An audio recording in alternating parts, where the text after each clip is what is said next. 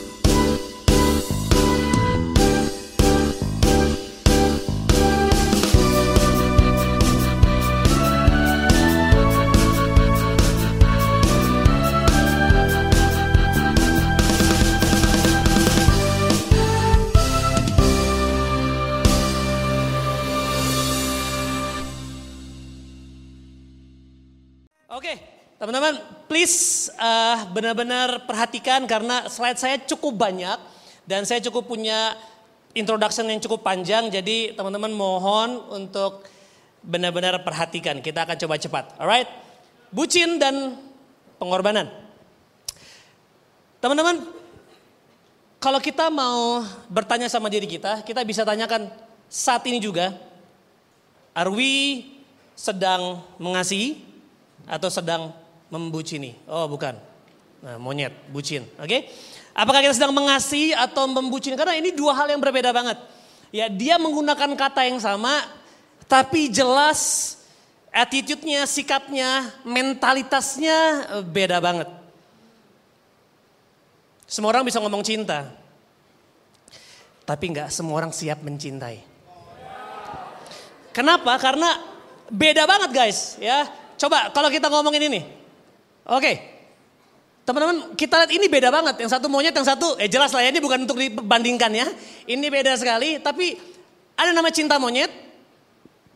Ada namanya cinta Tuhan. Kalau cinta monyet, cinta yang bikin lu jadi kayak apa sih monyet? Gue lumayan baca tentang monyet. Monyet itu dia uh, licik, dia cerdas. Kalau Tuhan beda, dia cerdik tapi dia tulus. beda, ya. Kalau monyet dia cerdik dan pintar. Dia bisa mainin hati orang. Tapi kalau Yesus dia cerdik juga. Dia tulus. Makanya orang yang mencintai dia tulus, tapi saking tulusnya kadang-kadang lu disakiti. Tapi kalau lu cerdas, lu bisa pulih. Karena orang yang tulus pasti akan disakiti, amin. Kalau lu berusaha untuk membangun tembok berhubungan supaya nggak disakiti, itu sakit paling besar. Tembok paling besar dibangun ketika kamu tidak mau disakiti. Tetapi beda dengan Tuhan. Tuhan datang untuk sakit. Tapi beda kalau bucin sakit sampai mati. Tapi kalau Tuhan dia mati untuk hidup. Nah kadang-kadang memang ini perbedaan yang sangat jelas sekali teman-teman bedanya bucin sama cinta Tuhan. Coba saya coba lihat dari Kompas, lihat dari beberapa di internet definisi bucin. Manusia yang maunya romantis dengan daya nalar di bawah rata-rata. Makanya, pernah lihat orang bucin? Kalau lu punya sahabat bucin, kalimat yang lu paling sering ngomong apa? Be bego banget sih lu, betul gak? Tapi ketika yang ngomong bego pasti dibucin, dia melakukan apa yang dulu dia bilang bego ke orang lain. Karena nalarnya rendah. Nah yang kedua, bucin. Orang yang rela melakukan apa saja termasuk yang harusnya dia nggak relain. Dalam hidup ada yang harus kamu rela lepasin, ada yang nggak boleh kamu rela lepasin. Orang tuamu nggak boleh kamu lepasin. Keluargamu nggak boleh kamu lepasin mantanmu lepasin kasih ke sahabatmu ya. Biar gak ke mana-mana, biar tetap dalam satu circle. Jadi gitu caranya bawa kangen sama mantan. Comblangin sama sahabatmu. Ini bucin. Ya, ya, udah nikah, boleh ya. Jadi ini cerita ini memang bukan cerita sebenarnya, tapi kurang lebih pernah dialami.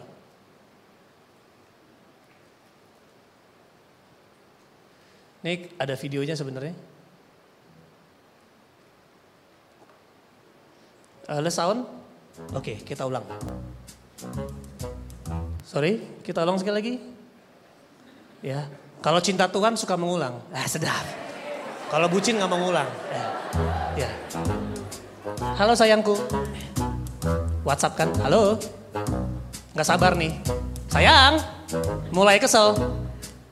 Lah, Dih, lagi sibuk apa sih sampai nggak respon? Pacarnya bilang, halo sayang, sorry baru respon. Gue udah gak penting lagi ya? Nah, itu, itu tuh. Bukan gitu sayang, aku lagi ngambil gosen. Aku lagi ambil kiriman barang buat kado anniversary yang kamu minta. Langsung berubah si bucin. Ih sayangku. Sorry malam aku lagi dapet, bodoh. Kamu kan ngerti kalau aku gak kayak gitu. Iya sayang aku ngerti banget. Tadi bucin rohani. Kasihkan percaya segala sesuatu. Sedap. Oke sayangku jangan telat jemput aku ya.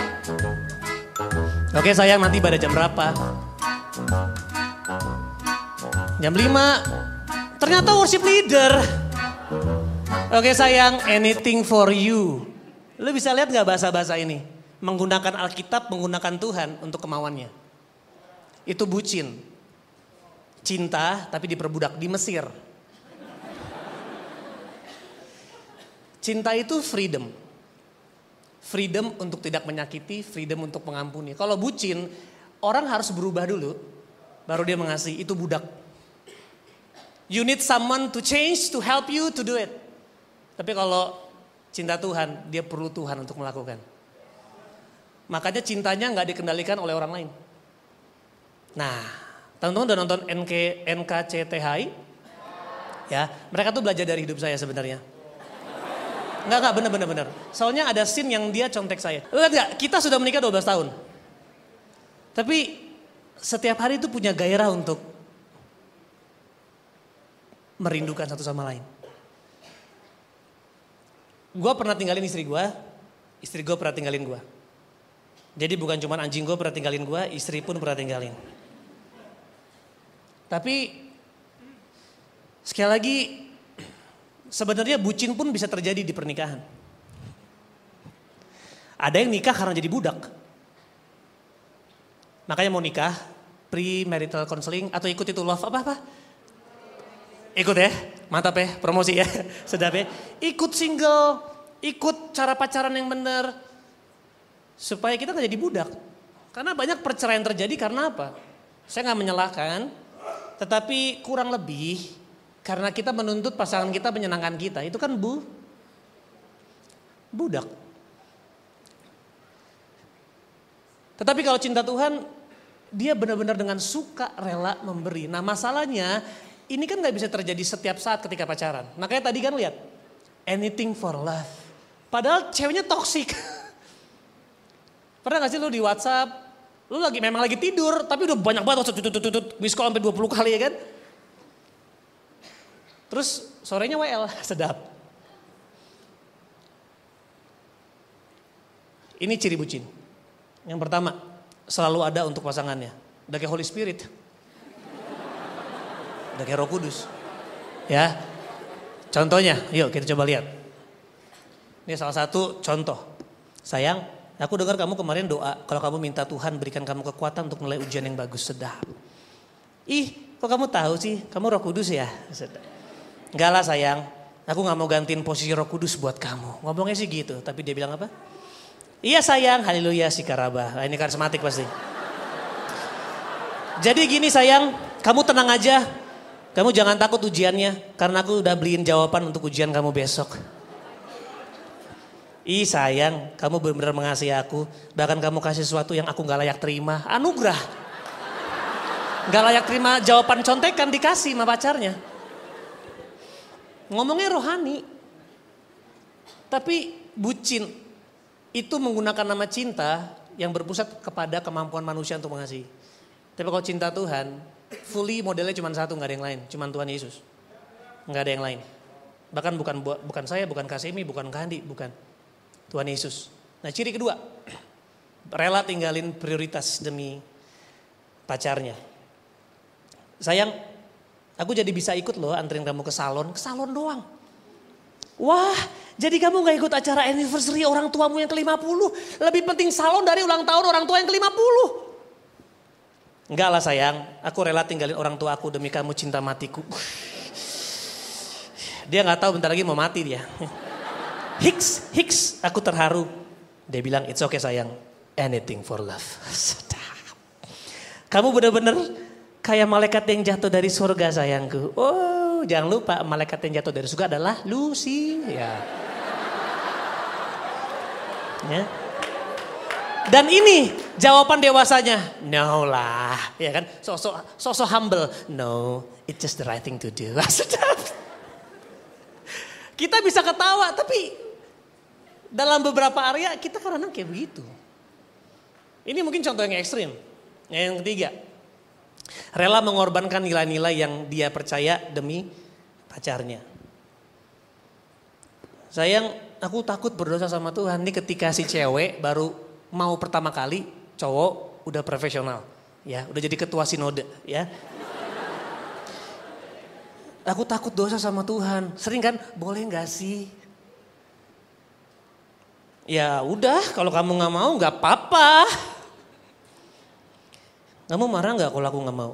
Biasa aja, cukup tahu. Ah, sedap, naruh intimidasi. Nah kebetulan si cewek punya masalah di perasaannya. Dia juga bucin karena orang tuanya. Sebenarnya bucin bukan tentang, tentang pasangan aja. Kalau lu maksa orang tua buat nyenengin hati lu itu bucin sama aja. Lu kecewa sama orang tua karena dia nggak memenuhi mimpi lu itu bucin. Padahal yang belakangan datang kan kita betul nggak? Yang belakangan lahir kan kita. Artinya sebenarnya jadi jawaban buat orang tua kita itu kita loh. Makanya kamu nggak pernah salah dilahirkan di sebuah keluarga. Mungkin untuk mengubah turunan bucin jadi turunan cinta Tuhan. Tuhan nggak pernah salah pilih. Lalu dia bilang, tuh kan, ya udah deh aku mau deh. Pelan-pelan ya. Kesannya loving. Menurut aku it's okay sayang. Toh we do it because we love each other. Sering nemu kayak gini. Yang sebelah cowoknya bilang ouch gitu. Forever ya sayang. Dia bilang ini, God knows I'm serious. Eh kalau lu serius sama pacar lu, lu jaga pacar lu harusnya.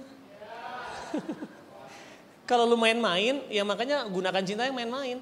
Saya nggak bilang kalau pacar kamu mencoba-coba dia nggak sayang. Hanya mungkin ya nanti kita akan bahas lah. Jadi kita juga nggak mau judge. Semua yang masa seks berarti dia, no, no, no. Kita punya namanya kesulitan, kita punya daging, kita punya roh. Nah kita mau belajar hari ini gimana supaya kita bisa mengasihi dengan sebuah cara yang tepat. Ya, Alkitab mengatakan di Mazmur 85 ayat 10, unfailing love and truth have met together, righteousness and peace have kissed. Jadi kebenaran sama cinta cipokan, ciuman, bahkan dia bersatu. Kenapa? Karena kasih tanpa kebenaran bukanlah kasih. Sama juga. Kebenaran sama kasih has a name. His name is Jesus. Jadi kalau kita mengasihi nggak memunculkan sifat-sifat Kristus, mungkin itu bukan kasih. Mungkin itu ya kasih yang manusia ciptakan sendiri. Karena manusia suka menciptakan. Padahal kita dipercayakan. Kita harus gunakan apa yang Tuhan percayakan sama kita. Nah problemnya kenapa, saya mau bahas ini. Gak punya tujuan. Rata-rata bucin dia nggak punya tujuan atau nggak punya tujuan yang kuat. Nah kita belajar dari seorang anak kembar yang namanya Rahel dan Lea. Teman tahu kisahnya? Ini Yakub. Teman tahu nggak sih bahwa Yakub nikah sama Rahel, nikah juga sama Lea? Ya, despite dari hukum Tuhan yang memang belum terjadi hari itu, tetapi intinya Yakub ingin menikahi Rahel. End up malah tidur sama Lea. Nanti kita akan ceritakan. Kita lihat kriteria Rahel. Selagi ia berkata-kata dengan mereka, datanglah Rahel dengan kambing domba ayahnya sebab dialah yang mengembalakannya. Rahel itu adiknya Lea padahal. Tapi lihat dia punya panggilan, dia jelas mengembalakan, dia bantu papanya. Dia punya purpose. Dia punya tujuan. Orang yang punya tujuan pasti kerja nggak ngoyo. Pasti. Tapi lihat Lea. Lea tidak berseri matanya, tetapi Rahel itu elok sikapnya dan cantik parasnya. Nah Lea ini kalau saya bisa asumsikan dari ceritanya, memang dia kayak gak punya tujuan. Ceritanya tuh sedikit sekali tentang pekerjaan yang dia lakukan. Dia gak punya purpose dalam hidup. Kalau lu gak punya purpose hidup, pacaran pun gak punya purpose. Makanya banyak bolang, e, kak tujuan nikah apa sih? Lah tujuan nikah sama dengan tujuan lu hidup. Tujuan nikah memperkuat tujuan hidup. Kalau lu gak punya tujuan hidup, jangan nikah apalagi pacaran juga. Tetapi miliki tujuan hidup, maka kita akan memiliki semua tujuan. Pelayanan punya tujuan, pacaran punya tujuan, bahkan berantem pun punya tujuan. Kita bekerja pun punya tujuan. Semuanya serba punya tujuan. Nah teman-teman aku nggak taruh di ayat cuman kita mau ceritain sedikit tentang Lea, kita buka kejadian 29. Ceritanya jadi Yakub ini suka banget sama Rahel. Lalu si Yakub minta disuruh kerja sama Laban 7 tahun. Singkat cerita dia sudah kerja dan siaplah menikah. Lalu Laban mengundang semua orang di tempat itu. 29 ayat 22. Lalu Laban mengundang semua orang di tempat itu ya karena Yakub sudah bekerja 7 tahun dia berhak menerima Rahel. Lalu Laban mengundang semua orang tempat itu dan mengadakan perjamuan 23. Tetapi pada waktu malam diambilnya lah Lea anaknya dalam bahasa Inggris disuruh tidur sama Yakub. Cerita ini mungkin biasa teman-teman. Tapi menurut saya ini cukup dalam. Sampai di ayat yang ke 25. Dulu bayang lagi wedding. Yakub udah siap banget kan, ini udah ngebet banget. Saya siap untuk tidur dengan Rahel, saya siap mengasihi dia. Udah malam pertama terjadi. Ya, makanya pesan moralnya, kalau malam pertama jangan matiin lampu ya. Terjadilah itu, pagi-pagi dia bangun kayak ah, dia lihat. Mereka anak kembar, tapi beda karena yang satu punya tujuan mukanya berseri-seri. Yang satu nggak punya tujuan madesu. Dia kaget, kenapa Lea? Tapi lu gini, coba bayangin jadi Lea. Uh, Lea, Lea gini, kamu kan gak punya tujuan hidup. Mau ya papa suruh-suruh? Iya pak, karena aku gak punya tujuan hidup, aku siap disuruh-suruh. Ngapain pak? Tidur. Alright. Orang yang gak punya tujuan kan berarti gak punya harga di hidupnya. Aku udah mau tidur sama Yakub. Dia tidur sama Yakub. Kira-kira gimana perasaannya Lea? Orang yang gak punya tujuan, dia siap dipakai buat apa pun. Termasuk buat rancangan yang bukan dari Tuhan. Nah tetapi cerita ini keren banget teman-teman. Kenapa? Karena walaupun ini sadis banget ya buat Lea. Singkat cerita akhirnya si Yakub nikah juga sama si Rahel. Dan uh, di ayat yang ke-30, kejadian 29 30, Yakub menghampiri Rahel juga malah ia lebih cinta kepada Rahel. Jadi Lea cuma siap ditidurin. Sedangkan Yakub lebih mencintai. Wow, ini perasaan. Nah, kayak gini kan bucin. Ya, dia dia cuman sebenarnya gini, bucin itu salah satu definisinya dia rela melakukan apa pun demi perasaannya. Kita bisa lihat dia kayaknya dipakai sama cowok itu lu bego banget sih, tapi memang dia suka. Karena perasaannya dia juga, dia butuh sesuatu untuk orang-orang memenuhi dia. Dia mungkin punya sesuatu di masa lalu yang dia butuh comfort atau dia butuh yang namanya pemenuhan. Nah saya mau bilang gini, segala sesuatu yang bisa memenuhi kamu sampai kamu puas selain Tuhan jadinya addiction. Jadinya adiksi. Apa pun itu, serohani apa pun itu, kalau kita dipenuhi, pas pelayanan, Ibadah hari Minggu. Jadi adiksi ibadah hari Minggu tapi nggak punya hubungan sama Tuhan Senin sampai Sabtu. Karena tata ibadah yang menuhin bukan Tuhan Yesus. Bukan hubungan sama Tuhan yang memenuhi. Makanya saya bilang you are complete through your union with Christ. Cuman hubungan sama Kristus yang bisa memenuhi. Bukan apa pun teman-teman. Nah tapi ini yang dahsyatnya anugerah kasih setia Tuhan. Ada buat bucin, haleluya. Ada. Karena buat teman-teman yang sudah percaya sama Tuhan, mungkin dalam kedalaman tertentu kita merasa kita budak. Tapi kalau teman-teman mau sadari, hal yang paling dalam dari teman-teman ada Roh Kudus. Ada Roh Kudus. And you are not divine by what you are feeling right now. You are divine by what Jesus has done at the cross kamu didefinisikan oleh apa yang Yesus telah lakukan. Jadi kalau hari ini dari semua cerita kalian merasa kayaknya gue bucin deh. Kalian bisa keluar bersama dengan Tuhan. Lihat Lea di ayat 31 masih di ayat ini. Ketika Tuhan melihat bahwa Lea tidak dicintai, dibukanyalah kandungannya. Men, Lea udah gak punya tujuan, gak dicintai, kasihan banget. Tapi Tuhan punya anugerah buat siapa pun. Termasuk buat orang yang gak punya tujuan. Lea mengandung lalu melahirkan seorang anak laki-laki dan dinamainya Ruben. Sebab katanya, sesungguhnya Tuhan telah memperhatikan kesengsaraanku. Tetap self-centered, tapi tetap kasih Tuhan ada. Tuhan aku mau anak. Diberikan. Anak yang pertama Ruben. Dan dia bilang, itu bukti Tuhan telah memperhatikan aku. Sekarang tentulah aku dicintai suamiku. Tetap bucin, masih bucin. Ayat 33.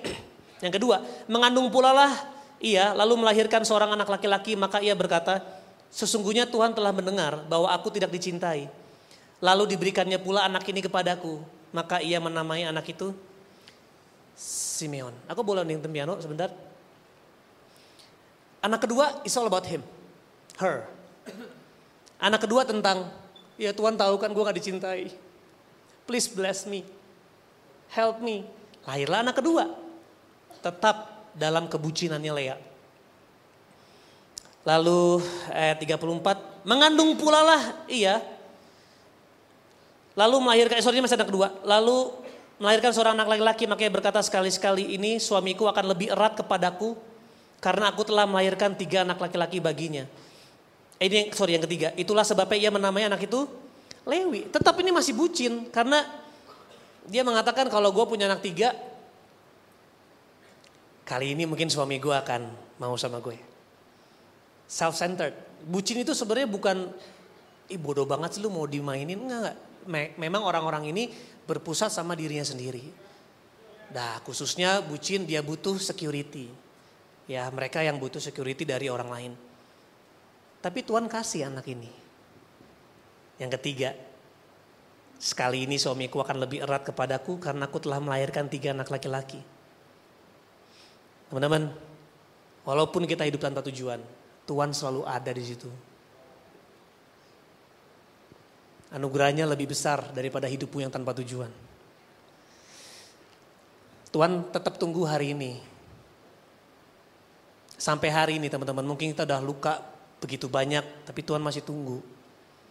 Kalau kita mau mem memindahkan pandangan kita sama Tuhan, kamu akan menemukan itu tujuan. Dan kamu gak akan lagi jadi bucin. Lihat Lea, ayat 35. Mengandung pulalah ia, lalu melahirkan seorang anak laki-laki. Maka ia berkata apa? Sekali ini aku akan ber. Orang yang punya tujuan pasti selalu bersyukur. Tujuan saya menikah bukan buat saya, tujuan saya menikah buat Tuhan. Tujuan saya pelayanan buat Tuhan, tujuan saya kerja buat Tuhan. Jadi kalaupun dia di-cut, difitnah di kantor, nggak dipandang indah di gereja, dia nggak akan marah. Dia bersyukur karena apa pun yang kulakukan itu punya Tuhan, buat Tuhan. Budak gak punya tujuan, makanya orang Israel, Tuhan kamu mau bikin aku mati di sini, mendingan kita balik. Gak apa-apa jadi budak, yang penting makan kenyang. Bucin lebih penting kenyang. Gak apa-apa, walaupun jadi budak. Orang yang merdeka, lebih baik gua lapar, tapi gua merdeka Lihat, sekali ini aku akan bersyukur pada Tuhan. Tuhan aku capek jadi bucin. It's always about me, always about me. And now, it's all about you, kata Lea. Dan lihat, itulah sebabnya ia menamai anak itu Yehuda sesudah itu ia tidak melahirkan. Lu tahu siapa yang lahir dari Yehuda? Yesus. Yesus lahir dari bucin.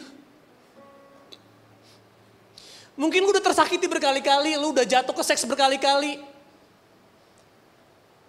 Bahkan lebih parah lu sudah main dengan seseorang yang kau dikategoriin sakit lu, sakit mental lu. Ya, mirip kan Malia? Tapi Yesus lahir dari situ. Yesus lahir dari orang yang gak punya tujuan. Yesus lahir dari orang yang menjual dirinya untuk orang lain karena dia nggak punya tujuan. Tapi ketika Lea bilang Tuhan hari ini hidupku bukan milikku. Aku bersyukur karena hidupku milik Tuhan di situ. Lahir Yehuda. Dan sang juru selamat lahir dari situ. Kamu pikir hidupmu udah terlalu hancur, Tuhan nggak bisa pakai. Justru di situ kekuatannya. Stop, jadi budak, mulai andalkan Tuhan, Tuhan. Aku mau hidup buat Tuhan. Hatiku pulihkan, aku mau hidup buatmu. Aku mau bahagia jadi single. Supaya ketika aku menikah, aku bukan cari kebahagiaan. Aku cari orang-orang yang bisa bekerja sama dengan aku untuk mendatangkan kerajaan sorga. Karena menikah is not about us, it's not about me, it's all about your kingdom come on earth as it is in heaven.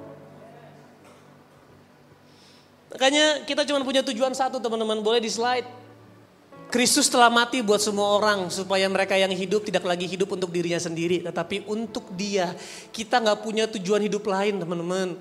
Lu boleh jadi artis, boleh jadi youtubers, jadi tiktokers, lu boleh jadi pengusaha, tapi tujuannya cuma satu. Kita semua cuma punya satu tujuan. Tapi jalannya beda-beda. Jangan cari jalan, cari tujuan. Kalau lu nemu tujuannya, Tuhan kasih jalannya because he is the way. Dia jalan. Hari ini kamu gak kehilangan jalan, kamu cuma kehilangan purpose. Tapi puji Tuhan, purposemu sebenarnya gak pernah hilang karena Tuhan gak pernah kehilangan hidupmu. Balik sama Tuhan, kamu takkan temukan tujuan baru. Gak lagi hidup buat dirinya sendiri tetapi untuk dia yang telah mati dan telah dibangkitkan untuk mereka. Mungkin hari ini saya jujur saya ngerasa orang, saya dipercayakan untuk jadi gembala senior. Jadi normal kalau memang saya banyak cacatnya karena saya nggak pernah ngerasa layak jadi pendeta. Kalau mau dihitung-hitung pakai standar pendeta yang saya tahu, saya jauh banget. Tapi kalau Tuhan percayakan saya bilang, Lord, I don't need to know the how. I just need to know the why. Saya nggak tahu caranya mengembalakan orang-orang, saya nggak tahu caranya memimpin sebuah jemaat, tapi saya tahu kenapa saya memilih ini. Because I want to love you, Lord. Yang saya mau bilang gini, those who live, those who have a why to live, can bear with almost anyhow. Dan orang yang tahu, orang yang punya the why akan selalu mengalahkan orang yang tahu the how. Tuhan gak panggil orang pinter. Orang pinter tahu how ya. Tuhan panggil orang benar. Yang ngerti Tuhan, saya tahu kenapa saya harus hidup. Dan hari ini teman-teman, ask the right question. Tanyakan pertanyaan yang benar. Jangan tanya dengan siapa kamu pacaran atau menikah. Tapi kenapa kamu pacaran dan menikah. Jangan tanya aku mau kerja di mana, jangan tanya mau kuliah di mana. Jangan tanya mau pacaran sama siapa. Tapi tanya kenapa?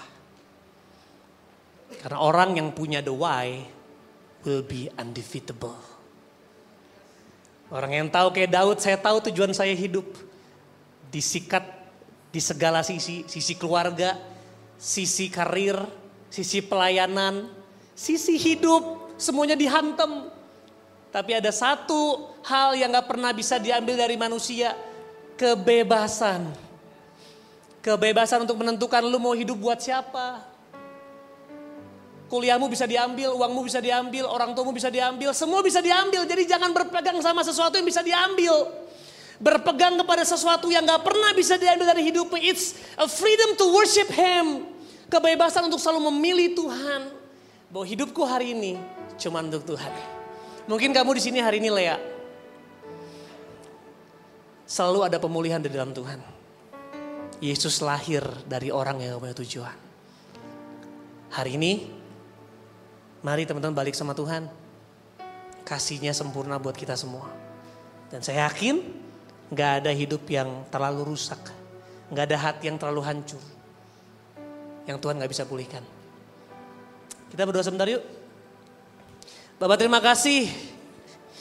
Kami minta ampun Tuhan kalau memang hari ini sampai hari ini kami hadir membawa cerita yang diakibatkan oleh kesalahan demi kesalahan. Tapi hari ini kami mendengarkan firman, mendengarkan firman Tuhan yang mengatakan bahwa Tuhan begitu mengasihi kami. Kami bisa kembali sama Tuhan anytime dalam keadaan apa pun. Tapi hari ini Tuhan kami mau benar-benar membuka hati kami supaya benar-benar Yesus yang masuk ke hati kami menjadi satu-satunya pribadi yang membuat kami paling mempesona. Karena kasih anugerahmu yang paling kami butuhkan. Aku berdoa buat keluargaku di tempat ini. Berikan kami semua tujuan yang sama. Yaitu hidup buat Tuhan. Gak ada yang lain. Dan hari ini sama seperti Lea mengatakan. Mulai hari ini aku mau bersyukur sama Tuhan. Karena Yesus telah mati. Yesus telah bangkit dan telah mempercayakan rohnya untuk tinggal dan gak pernah meninggalkan kami. Untuk apa? Untuk melakukan tujuan kami yang sesungguhnya. Is to worship you, is to serve you. Membawa kerajaanmu hadir. Terima kasih Bapak, kami bukan lagi budak, kami bukan korban, kami lebih dari pemenang karena bukan lagi kami yang hidup, tapi Kristus tinggal dan hidup melalui kami. Di dalam nama Yesus, semua yang punya tujuan sama-sama katakan, Amin.